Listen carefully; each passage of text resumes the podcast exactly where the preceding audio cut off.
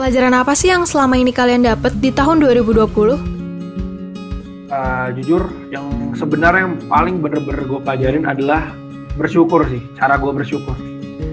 Uh, gue selalu punya mindset untuk kayak setiap hari itu pasti ada kejadian buruk, pasti ada kejadian buruk di setiap harinya. Tapi yang nggak boleh kita lupa, di setiap harinya juga ada kejadian baik. Nah, gue tuh selalu memposisikan diri gue untuk kayak ya udah nih, misalnya hari ini gue, uh, misal hari ini gue kecelakaan. Tapi setelah kecelakaan, gue dijemput teman gue, gue dijenguk cewek gue, gue dirawat, gue ada yang nyemangatin. Nah, itu tuh kejadian buruk. Harusnya gue kesal hari itu. Kenapa gue bisa jatuh? Tapi gue melihat buruknya. Gue lihat ada sisi baiknya. Setelah itu ada conclusion di mana ya teman-teman gue yang bener temen tuh datang. Cewek gue ternyata dia baik perhatian sama gue. Keluarga keluarga gue ternyata memperhatikan gue. Akhirnya keluarga gue kenal dengan tongkrongan gue. Gitu dan setelah itu ternyata banyak support yang datang ke gue. Nah, yang coba gue pikirkan di hari itu adalah poin baiknya Nah, hal itu yang coba gue syukurin sih selama pandemi gitu. Di mana pandemi ini sesuatu yang buruk nih. Tapi di dalam pandemi juga pasti ada hal baiknya. Even gak semua orang ngerasain. Dan semua orang pasti ngerasainnya beda-beda. Nah, poin baik itu yang terus gue pikirin setiap saatnya sampai pandemi ini berakhir. Jadi, menurut gue, uh, imun paling kuat saat pandemi adalah pikiran yang sehat sih. Saat lu punya pikiran yang sehat, pikiran yang positif, lu yang tetap happy, lu yang tetap seneng, gue yakin sih uh, virus itu insya Allah nggak akan masuk ke tubuh lu.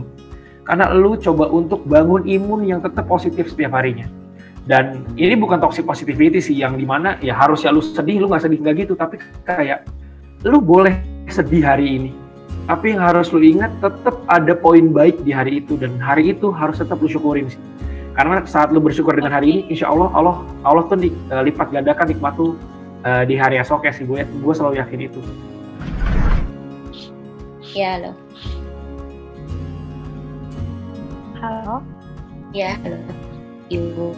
Nah, nih Kak. Uh, kan tadi kan kakak udah jelasin nih ada dampak positif yang kakak rasain juga kayak ternyata di corona ini kan yang harusnya jadi target-target dua atau tiga tahun ke depan malah jadi terjadi nih di tahun 2020 kan kak terus juga ada dampak negatifnya juga jadi ya segala kerjaan juga jadi terhambat dan segala lain hal kak.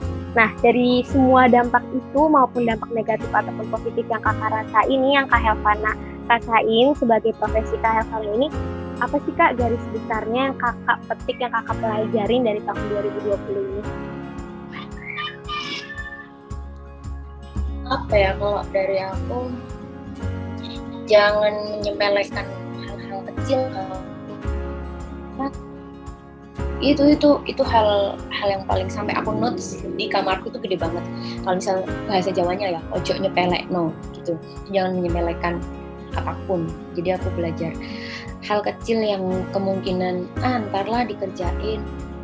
Terus sekarang jadi kayak tuh uh, harus dikerjain nih karena ini akan hasil nih. Misalnya nyepelein contoh biasanya akan olahraga atau apa sekarang minim ya lari-lari kecil lah.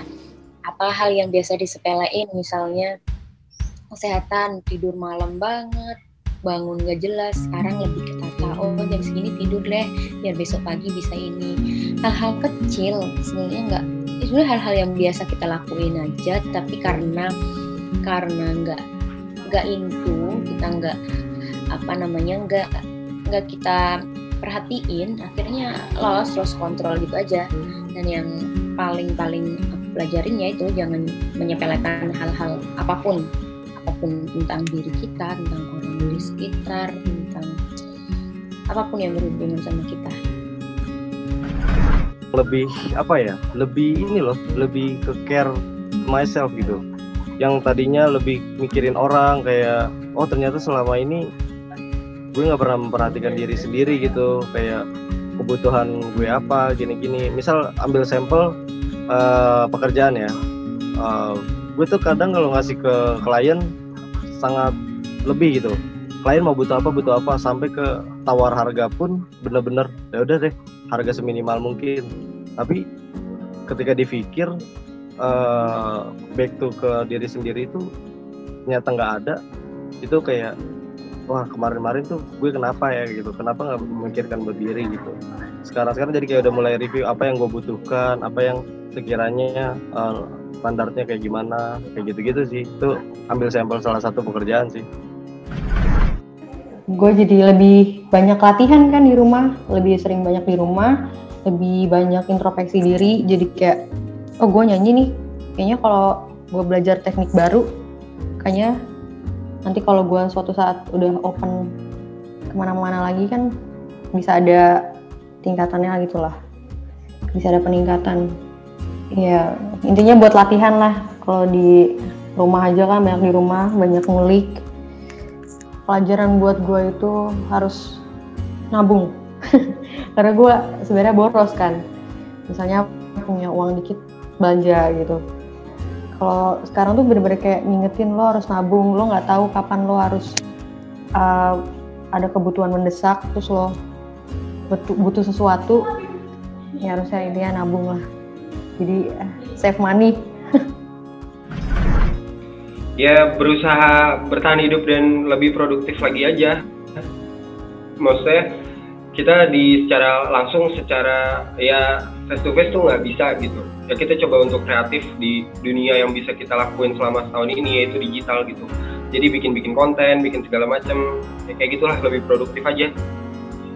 Belajar lebih produktif. Berarti kan oh berarti sekarang bang Fikar uh, selama nggak manggung lagi nggak jadi drummer lagi apa nih bang kegiatan dan kesibukannya Ya kemarin-kemarin sih sempat bikin konten-konten Instagram juga, bikin konten-konten YouTube juga, upload-upload gitu, video-video cover drum, kayak gitu aja ngisi-ngisi apa ya, feel pengen main tapi nggak bisa, akhirnya cover-cover aja gitu. Pelajaran yang gue ambil dari tahun ini adalah uh, gi uh, gimana cara kita uh, dealing with something uh, yang kita nggak pernah expect sebelumnya. Terus habis itu kayak uh, gimana uh, kalian tuh harus menghargai waktu itu menurut gue kalian harus menghargai waktu menghargai uh, apa namanya if you uh, kalau kalian punya kesempatan buat melakukan sesuatu mendingan lakuin secepatnya di, uh, daripada nanti kalian terhambat kayak gini tiba-tiba gitu loh. Banyak banget sih sebenarnya pelajaran yang bisa gue ambil sampai gue nggak bisa describe satu-satu. Karena beneran gue sangat overwhelmed ya uh, di selama 2020 ini. Gue benar-benar overwhelmed uh, banyak pelajaran banyak hal yang bikin gue stres juga. Yaitu salah satu pelajarannya adalah uh, hargai waktu dan sesuatu yang uh, apa namanya yang kecil aja gitu loh. Tapi kalau misalnya untuk uh, dari diri lu sendiri lu jauh lebih mengenal diri lu nggak sih di tahun ini? Sejujurnya gue malah aja lu kayak pasti kesibukannya sama diri lu lagi lu lagi lu lagi yang lu temuin gitu kan? Nah ini dia yang gue bilang tadi kan, uh, kalau menurut gue si COVID-19 ini malah menggocek uh, mental seseorang. Karena kebanyakan di rumah juga, lo nggak bisa warm up, eh lo nggak bisa brainstorming dengan teman-teman lo dan lingkungan luar lo, itu membuat uh, kita menjadi uh, overthink tentang uh, diri kita sendiri gitu. Iya cara uh, cara apa namanya cara menanggulanginya, cara uh, menghilangkan rasa overthink itu ya uh, lakukan apa yang uh, uh, apa yang produktif gitu. Misalnya kayak uh, gue itu udah mulai working out gitu, yang awalnya malas banget workout gitu, terus sempat juga mulai hidup sehat. Walaupun semenjak Natalan kemarin makanan gue jadi nggak bener lagi kan. Terus habis itu ya itu kayak buat konten TikTok gitu beralih dari YouTube dan uh, Instagram kayak gitu sih